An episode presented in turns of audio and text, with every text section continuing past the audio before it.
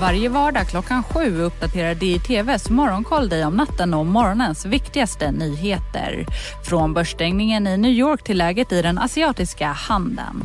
Och strax därefter kommer podden med samma namn.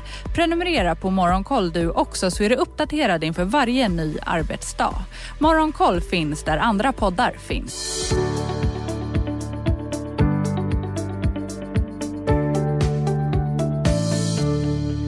Hej och välkomna till ett nytt avsnitt av Smarta pengar, en podd om privatekonomi från Dagens Industri. Och vi som gör den här podden heter Jenny Pettersson och Hans Bolander. Idag ska vi prata om den trend som dominerar kapitalförvaltning just nu, nämligen hållbarhet.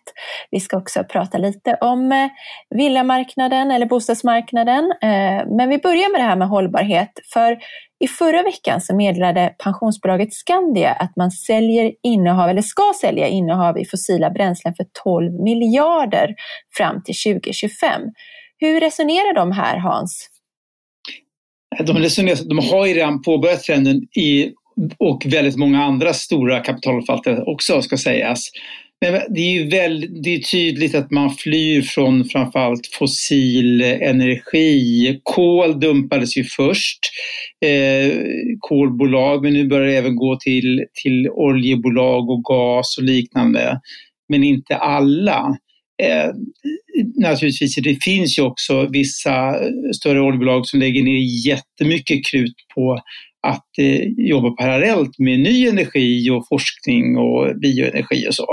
Och då kan så, de vara godkända då alltså? Exakt, så det är inte bara så enkelt att eh, alla oljebolag är onda och inte bryr sig om klimatet utan de, de, en hel del jobbar ju väldigt hårt med omställning. Men, Men det, här var ju pressade. Man såg ju Preem-beskedet här förra veckan. Ja. Man lägger ner den här stora satsningen. Och, så, och det är klart att det är ju någonting som, påver- som alla i branschen förhåller sig till, de här förändringarna.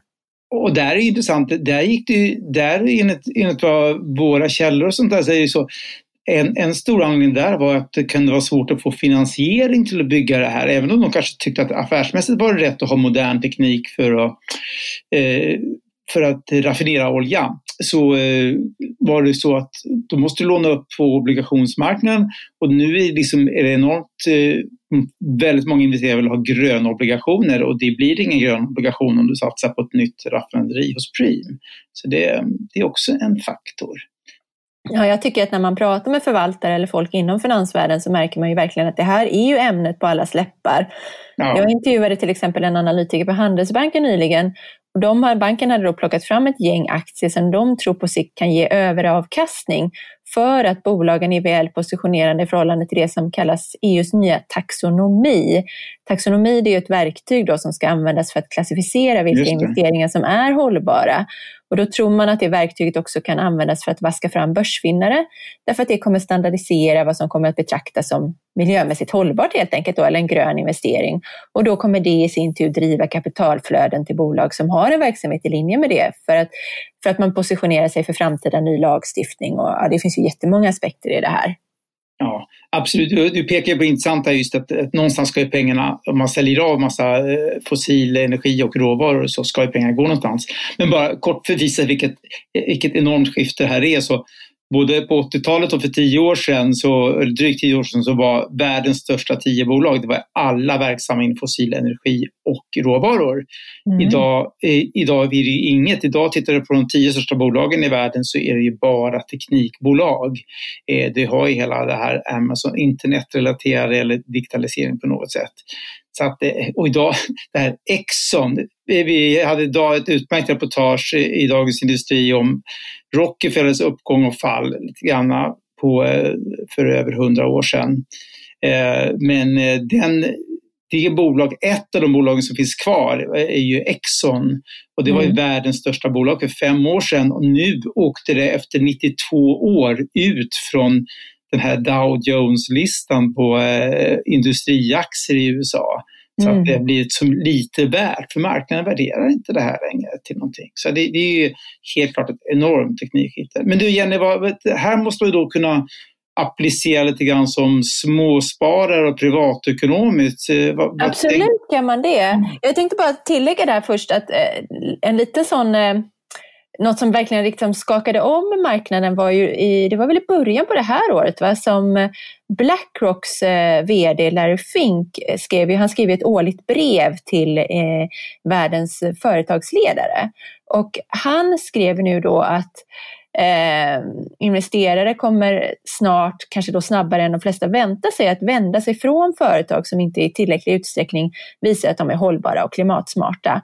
Och då kommer styrelserna göras ansvariga för det här eller hållas ansvariga för det här.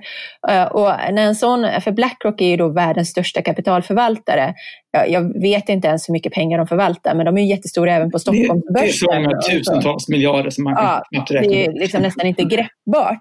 Och när en sån spelare kommer, sätter ner foten så tydligt i en sån fråga, det är klart att det blir lite en eh, game changer. Eh, och nu var ju det här, den här trenden har ju funnits länge ändå. Men, eh, men det, jag tyckte det var väldigt intressant och det var ju någonting som det har pratats mycket om sen efteråt. Alla har ju fått förhålla sig till det här brevet på något sätt. Ja, ja det har rätt det, det, det är verkligen superintressant. Mm. Men, men sen, och det är ju intressant också för att man pratar ju om det här ESG och det är ju inte bara egentligen miljö utan det handlar ju också om eh, det står ju för Environmental, Social och Governance och där väger man ju också in bolagens sociala ansvar och också governance då hur ledningen av företaget ser ut, vilka regler och riktlinjer som styr bolagets, bolagens beslut. Så det här är ju liksom en knippe saker som alla sägs handla om hållbarhet då, fast lite i olika perspektiv. Hållbarhet kan ju vara också, till exempel jag såg Länsförsäkringar sparka ut alla spelbolag, för det ser man inte som en hållbar investering. Av Nej. olika skäl då, för att det kan vara en penning, penningtvätt och också att liksom spel, man, spelmissbruk och, och sådär. Att det vill man inte förknippas med då. Så att, ehm, eh, klimat är ju helt klart den dominerande frågan, men det finns också andra aspekter på det här. Ja, det är lite intressant. Det är just att verkligen som du säger, va? det blir höga, nästan moraliska krav, eller åtminstone krav att man ska följa upp sådana här FNs kriterier på 30-listan hur man ska nå ett, ett hållbart samhälle. Men det blir, näst, det blir lite revansch för en sån här gammal spelare i Sverige, dock liten som Svenska kyrkans värdepappersfond som har haft sån här typ av kriterier i 30 år och, och kämpat på lite motvind. Men de, de, har varit jättenöjda inom kyrkan och de har bara investerat i aktier så, och undvikit då naturligtvis eh, vapen, spel, tobak, pornografi eh, och eh, you name it. Liksom. Så det, det, är intressant att eh, det här kommer. Mm. Men, som, men, om, ja, men om vi ska gå in på det där om vad man som enskild sparare kan göra. För det finns ju en diskussion om det där. Spelar det någon roll om jag som enskild småsparare väljer bort eh, ett bolag som håller på med fossila bränslen eller inte? Det, det, bolaget finns ju kvar och eh, det, då är det någon annan som investerar och, och får vinsterna. Men det, det, där har ju skiftat lite nu då, tycker jag. Det, det är ju en gammal diskussion eh, som har funnits i ganska många år, men det har ju skiftat lite nu när man märker att nej, men det kanske faktiskt inte är någon annan som går in och plockar upp de där aktierna heller. Men det, för det finns ju verktyg eh, som man som enskild sparare kan använda för att utvärdera fonder, men de är ju lite trubbiga har det ju visat sig. Mm. Eftersom det inte har funnits någon enhetlig standard för vad, vad som ska anses vara hållbart då, så, så är det ju svårt att jämföra, utan då får man ju kanske gå in och läsa lite mer kring fonderna och sådär. Men det finns ju några eh, märkningar i alla fall där jag vet att eh, folk som är engagerade i ja, men kanske miljörörelsen och så, de brukar ju lyfta fram det här Climetrics. Mm. Eh, som då ska analysera vilken klimatpåverkan olika europeiska fonder har. Och så får de sen då ett betyg mellan 1 och 5. Och de topprankande fonderna tror jag är sökbara gratis på hemsidan. Det var i alla fall så förut, om det fortfarande är så, eh, tror jag. Och sen så har ju Morningstar, de har ett system med glober, ett, en till fem glob då, som ska spegla eh, bolagens ESG-arbete. Då handlar det inte bara om klimat utan det kan handla om lite andra saker också. Sen så har vi i Sverige den här Svanen-märkningen eh, som fonder kan ansöka om att få. Det tycker jag själv, jag är lite tveksam till den måste jag säga. Det, och det, det, man ska se upp med rent generellt är ju dyra fonder som kallar sig för ja, hållbara. För det, visst, de kan vara bra, men det kan också handla om ren marknadsföring där man spelar på att folk vill investera hållbart och så tar man mycket betalt för det. Fast om man tittar liksom skärskådar innehavet i fonden så kanske inte det är så jättestor skillnad mot en fond som inte kallar sig hållbar och som har en betydligt lägre avgift. Så jag tycker kanske att man att det är bättre att se till hur bolag jobbar med de här frågorna lite större. Så om man nu säger då som Skandia, ja, men nu har de tydligt satt ner foten, de ska sälja av den här typen av innehav. Då talar ju det om eh, någonting om hur de jobbar med hela spektret på sina investeringar. Och tar man till exempel ett, bolag som, ett fondbolag som SPP, de har ju legat ganska mycket i framkant tycker jag med, de här, med hållbarhetsfrågor. Under lång tid har ju de profilerat sig inom det. Nu börjar ju andra komma ikapp då, men jag tycker man kan eh, ställa frågan eller, eller läsa sig till på hemsidor och sådär hur ens fondbolag eh, agerar. Vad tycker du? Jo, men jag håller verkligen med dig i allt du säger. Jag tror en genväg till uh, att hitta, för det, det är allt fler börjar säga nu, alla våra fonder är hållbara och ja, då känns det, då kommer det bli ett urvattnat begrepp om alla säger att de är hållbara fonder. Det, det, det funkar inte, tycker jag, om man, om man vill ha verkligen, jag tycker då kan vi titta på ändå och självgranska vilka fonder har någonting med hållbarhet och sånt i namnet. Till, ja, det finns några exempel att till exempel Lannebo, de har en Sverigefond men sen har de också en Sverige hållbar. Skandia har likadant, en hållbar och sen har de en annan Sverigefond. Då finns det ändå liksom en tydlig skillnad mellan en vanlig Sverigefond och en som är hållbar. Och då kan man ju gå in själv och titta, men vilka bolag har de här och vilka har de valt bort? Och så kan man själv eh, dra slutsatser av det. Är det bra jobbat eller är det dåligt jobbat? Och sen tycker jag man ska ju också kunna förena en bra avkastning med det här. Det borde verkligen gå att uppnå med tanke på hur de här trenderna som vi har pratat om går. Så att då ska man ju också kolla på hur har de gått jämfört med övriga fonder de senaste två, tre åren i alla fall.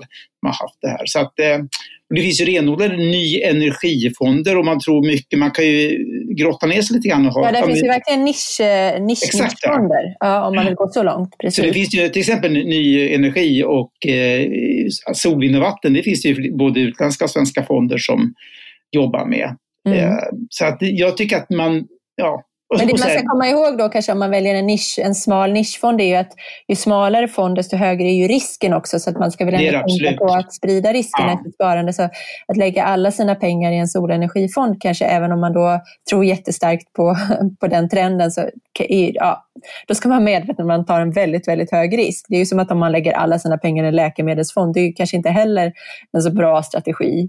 Nej, Nej men du, du har helt rätt i. Men jag skulle säga en annan fond om man går nischa, på nischer är också ett, men man kan ju också välja teknikfonder för att de, det, då, då investerar man ju i digitalisering och ny teknik och det är ju faktiskt indirekt bra för miljön för det betyder ju oftast i alla fall mindre, färre transporter. Ja, så att det, ja, det, det finns olika sätt att tänka där och det är verkligen upp till var och en. Eh, men jag, skulle, jag tycker som du att det finns inget enstaka mått som man bara ska titta på. Men framförallt tycker jag att man ska kräva det ska ge en bra avkastning också. Och rimliga avgifter. Ibland kan man betala en avgift som är, är mer än vad en indexfond kostar om det är aktivt förvaltat på riktigt. Men annars fall så, så det kommer komma tror jag också fler eh, indexliknande fonder med någon sorts hållbarhetsmärkning och då ska man titta på dem. Då, mm. Ja, det finns ett par sådana och då är de kanske lite dyrare än en indexfond som inte har något urval överhuvudtaget utan bara följer ett index. Men så finns det ju de som eh, ja, kanske då gör vissa anpassningar. Man följer fortfarande ett index men man anpassar det lite grann och då kanske den kostar ett par tiondels eh, procentenheter mer i avgift då för, för att man gör den här. Men, men är fortfarande billig jämfört med en aktivt förvaltad fond. Då. Mm. Eh, men så det här är en trend som jag tror vi bara kommer få se växa och växa och eh, som man eh, kan eh, förhålla sig till som sparare på olika sätt.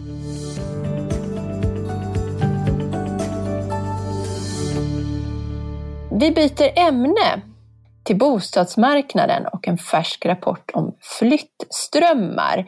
VSP har gjort eh, på uppdrag av mäklarbranschen en, tagit fram en rapport som visar hur många villor som skulle frigöras om äldre flyttade. Hur ser det här ut Hans?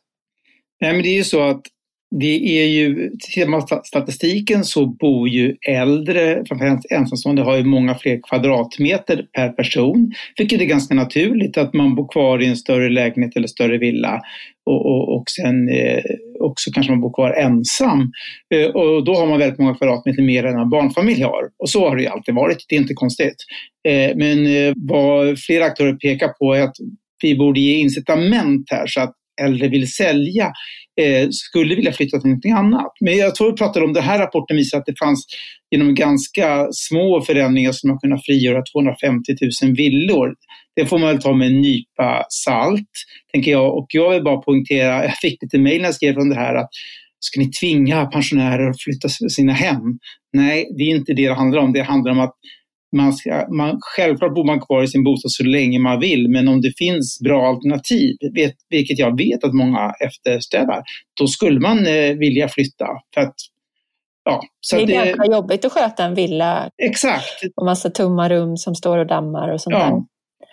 Men eh, vad är det som skulle, enligt, enligt den här rapporten, då, det, om man tänker att det är mäklarbranscherna som har finansierat den, så kan man ju tänka att de de har ju ett intresse såklart i den här frågan, men vad, vad, är det för, vad är det för oftast för argument som kommer fram, vad som skulle få folk att flytta eller äldre att flytta? Då, då? Är det bara reavinst, lägre reavinstskatt man vill ha eller vad, är det något annat? Ja, det, det är den stora saken. Eh, sen finns det ju också sånt som att man pratar om till stämpelskatt när du köper en villa, inte en bostadsrätt, eh, på eh, en procent av köpeskillingen eller till och med en och en halv.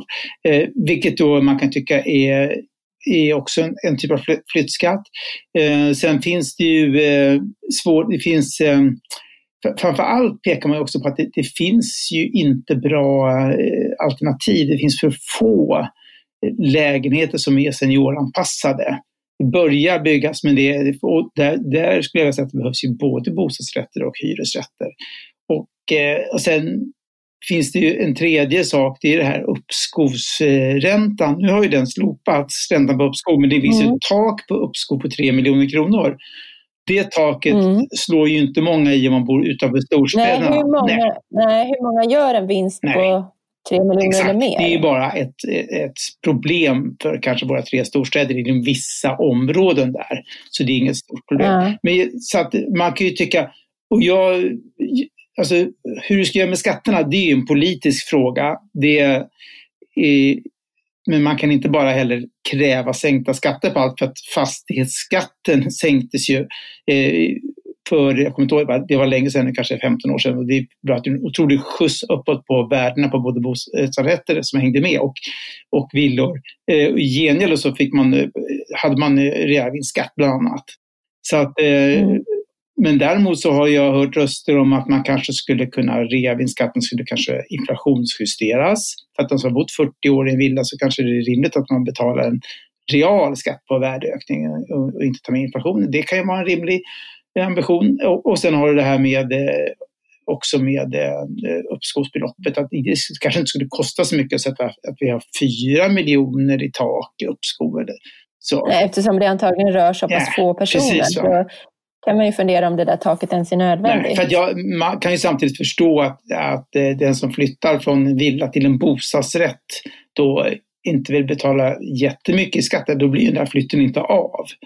Så att eh, det finns olika sätt att, hantera det här och, eh, och bakgrunden är också att det finns ju en, en större efterfrågan på småhus eh, och stora lägenheter än, vad det finns och den efterfrågan går inte, den är svår att bygga bort.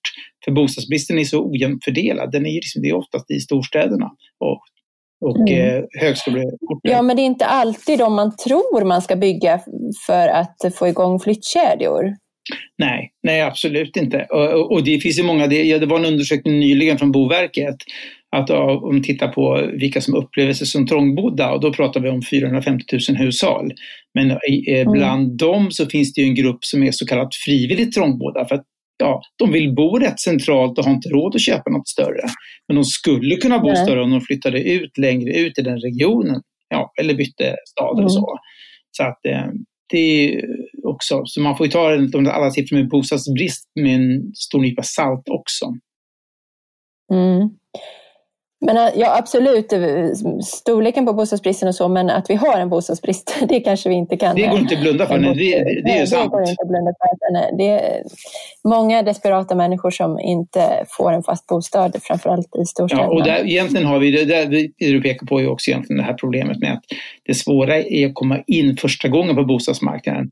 Mm. Eh, och där, är ju det blir extra svårt för de som står utanför arbetsmarknaden och inte har jobb. Då är det ju mm. omöjligt, ska jag säga, för de får inget lån. Då måste de gå, söka en hyresrätt och då kanske det finns nyproducerade hyresrätter som är, har för höga hyror som man inte har råd med. Så då kanske man måste mm. skruva på bostadsbidraget till exempel. Men återigen, det där är politiska mm. frågor som tyvärr politikerna har duckat för i många, många år. Ja, jag skulle tänka också på det. Det känns ju inte som en, att det här, de här frågorna känns otroligt heta politiskt just nu. Det känns som fokus ligger på helt andra ja, saker. Ja, så är det.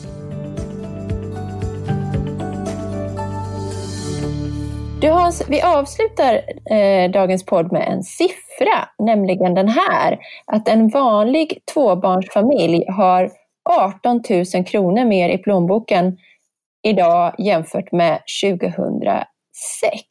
Det är ett standardlyft på närmare 40 procent och det här är siffror som banken SEB har räknat fram. Eh, hur kan det se ut eh, så? Ja, det är faktiskt intressant för de är ju två olika typexempel. Det här för, eh, ett var en barnfamilj som bor i villa eh, och där då hade den ena, ena tjänade som en genomsnittlig tjänstemannainkomst och den andra tjänade genomsnittlig offentlig sektorinkomst. De gjorde fall nummer två, bor i hyresrätt, genomsnittlig eh, och där var det, hade eh, den ena en eh, inkomsten i genomsnitt för män och andra för heltidsarbetande utgår från och andra för heltidsarbetande kvinnor. Och I båda fallen kom man fram till cirka 17 18 000 bättre i, i fasta priser räknat än, än 2006. Och det där kan ju många stötsa för. Och det är, först ska man säga att det stämmer ju om det är två heltidsarbetande i hushållet och man bor kvar i samma typ av bostad och sådär. Eh, det stämmer ju inte för till exempel arbetslösa eller pensionärer Nej, eller så. så att det, mm. det, det, är en sån bild, men, men icke desto mindre är det så. Och, och, och det är ju, det, många tänker inte på det. Jag tror att vi har fått det väldigt mycket. Det finns liknande undersökningar. Jag såg sådana här SCB mäter sån här levnadsstandard och jag har sett undersökningar eh, som vi skrev om för några år sedan. Tittade också, då hittade man kanske 20 år tillbaka och det var samma tendens. Men nu är det, det är ju sänkta inkomstskatter, jobbskatteavdrag med mera. Det är ju reallöneökningar. Och, och, nu på senare tid också faktiskt har det ju också blivit eh, höjd, precis nyligen höjd, höjd a-kassa och så. Mm. Man undrar lite så här om, eh, om människor i allmänhet är medvetna om den här förändringen eller om den har skett så gradvis att man eh, tar väldigt mycket av det man har mer av nu för givet och, och tänker att det faktiskt inte är så himla länge sedan eh, ekonomin såg annorlunda ut. Ja, nej, men jag, jag tror du har helt rätt i det. Alltså jag kan ju titta tillbaka hur det var att växa upp på 60 och 70-talet. Eh, ja, då tyckte man att man kanske hade en, en, en, hygglig standard i medelklassen och allting. Man hade en bil och bodde i, en, eh, i kanske en mindre lägenhet än idag och så. Så gjorde vi i alla fall. Och eh, man hade inte alls så mycket prylar, man, hade inte, man kunde inte ha råd att åka utomlands. Gjorde inte, men det var ju liksom, så att man har ju utgifter, kostnaderna har ju skenat också. Så att om folk tycker, va, det är inte sant, jag kan ta 18 000 mer i månaden. Ja, men man kanske har mycket, eh, mycket större konsumtions eller högre konsumtionsvanor, att man gör av med pengarna på, på, på fler saker och har en bättre materiell standard i alla fall. Vad, vad tänker du? du? Mm. Nej, men jag tänker att det är mycket som vi tar som självklart idag som inte var självklart för, för tio år sedan. Vad barn ska ha till exempel med mobiltelefon, datorer, iPads och sånt. Och det är ju, det är ju kapitalvaror, det är saker som kostar mycket pengar. Så visst, jag tror att de där 18 000 kronorna ganska snabbt eh, försvinner på, på allt möjligt eh, som har med standard och, och konsumtion att göra. Ja, ja men, men, så är det verkligen. Det, jag tycker det är intressant att sätta det här ändå på kronor för att som en lite grann Ja, och, så, och, och det här är ju inte någonting som sticker ut i Sverige utan liknande utveckling har vi i alla fall i stora delar av västvärlden. Sen eh, är det en annan faktor som också pågått, en trend som pågått under 20-30 år, det är att det ökade klyftor. Eh, så mm. det, det, är ju många som har fått det så här pass mycket bättre, men det finns också de som inte hänger med i det här standardlivsrallyt, om man ska säga så. Precis, eh, det, där kan man titta på det här med ja, hur man definierar fattigdom. Det är ju ofta då i relation till vad ett medelhushåll har. Så att man kan ju vara, anses vara fattig i ett samhälle även om man ser ut, även om det, man kan tycka att det här är väl ganska, man klarar sig väl på det här, men då handlar det om vad, vad andra i samma samhälle har att leva på så att ja. säga. Och där har man ju sett att, eh, att just de siffrorna har ju ökat i Sverige. Under en lång, längre period. Vad, vad skulle du mm. tro Jenny, om, om, vi tittar, om vi tittar nu 15 år framåt, kommer det bli ett, ett lika kraftigt standardlyft för de som har eh, turen att ha jobb och utbildning? Jag har svårt att tro det. Det känns som att vi lite har gått igenom ett, ett skifte i synen på ja, hur, vi, hur, hur, man politiskt har utformat skatter och så vidare. Eh, som jag har svårt att tro att den trenden kommer förstärkas väldigt mycket mer. Så jag, jag är tveksam, vad tror du? Nej, men jag tror att det, ja, det finns ju många trender. Liksom, en är ju kanske att vi har ju nått en gräns där vi in, många tycker att det är ohållbart att öka den materiella standarden eh, så mycket mm. för globalisering och allting. Vi kan inte göra slut på jordens resurser, det är det ena. Eh, men den andra eh, och sen så har vi också sett att det är väldigt mycket politisk oro när klyftorna ökar. Gör länderna inte någonting åt det mm. så får vi också helt hopplösa politiska system och missnöjespartier med alla de eh, risker och nackdelar som det öppnar. Så det är trender som tar emot. Plus att den tredje osäkerhetsfaktorn tycker jag är, är det här extremt, experimentet med extremt låga räntor och nollräntan. Hur länge håller det? kommer ju, eh, att man bara blåser på med stimulanser. Mm det ser vi inget slut på än så länge Nej, i alla fall. Men inte, eh, det, det, är ju ett experiment vi inte har testat förut så det, det kan ju gå lite hur som helst känner man. Ja, precis. Men jag, jag tror att ändå, jag är ändå så både teknikoptimist och optimist om att, att vi kommer klara, och vi har klimatkrisen. Jag tror ändå att, man, att mm.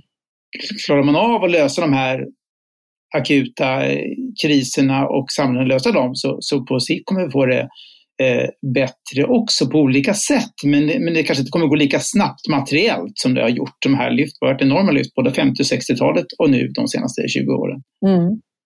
Men säger inte alla generationer det att Åh, så här snabbt kan det inte gå och så, så, så gör det det ändå? För vi ser inte de förändringarna som kommer. Absolut, det är svårt att veta. Ja, men så, så, det är verkligen, och nu kommer ja. det här, forskare peka på AI och, och robotisering ja, och digitalisering så att absolut. Om någon lyssnar på det här om eh, fem, tio år så kommer de tycka att vi är så jäkla mossiga.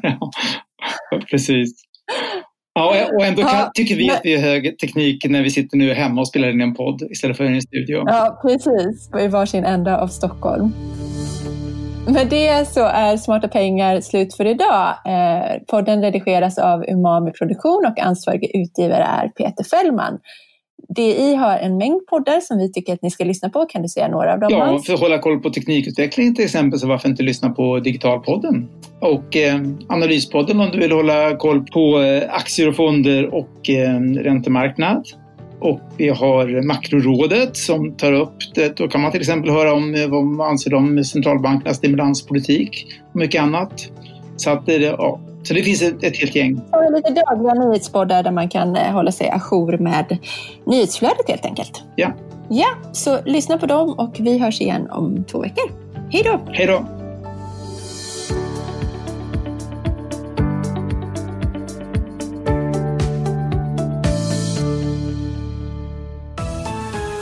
Hej! Andreas Johansson på DIs nyhetsmagasin Ekonomistudion här. Vi fördjupar oss i de viktigaste frågorna och möter Sveriges makthavare inom ekonomi och politik.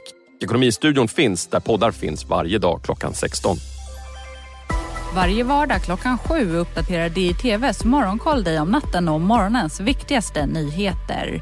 Från börsstängningen i New York till läget i den asiatiska handeln. Och strax därefter kommer podden med samma namn. Prenumerera på Morgonkoll du också så är du uppdaterad inför varje ny arbetsdag. Morgonkoll finns där andra poddar finns.